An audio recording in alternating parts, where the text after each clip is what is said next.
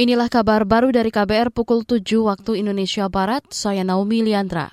Menteri Koordinator Bidang Politik Hukum dan Keamanan Menko Polhukam Mahfud MD menilai vonis terhadap Surya Darmadi sudah setimpal. Pemilik perusahaan perkebunan sawit PT Duta Palma difonis 15 tahun penjara karena terbukti korupsi dan melakukan pencucian uang.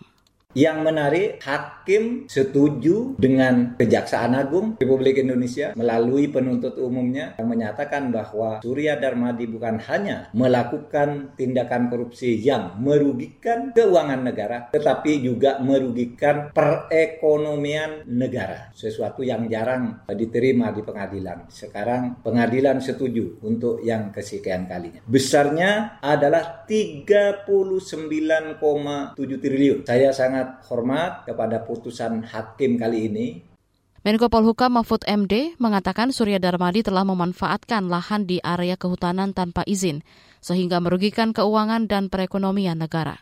Saudara sepak terjang Surya Darmadi berawal dari suap terkait pengajuan revisi alih fungsi hutan di Riau yang menjerat bekas Gubernur Riau Anas Meamun. Surya ditetapkan sebagai tersangka sejak 2014.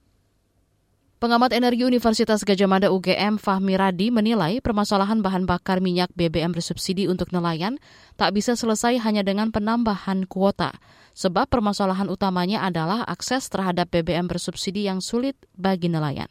Nah, saya kira kalau hanya menambah data tadi, ini bukan solusi yang tepat juga karena problem yang dihadapi itu bukan karena kekurangan kuota bersubsidi bagi nelayan, tetapi masalahnya adalah prosedur yang berbelit, kemudian juga lokasi yang jauh. Nah, oleh karena itu dua itu harus dicarikan solusinya tadi. Nah, kalau prosedur tadi, maka dibuat sesederhana mungkin gitu ya.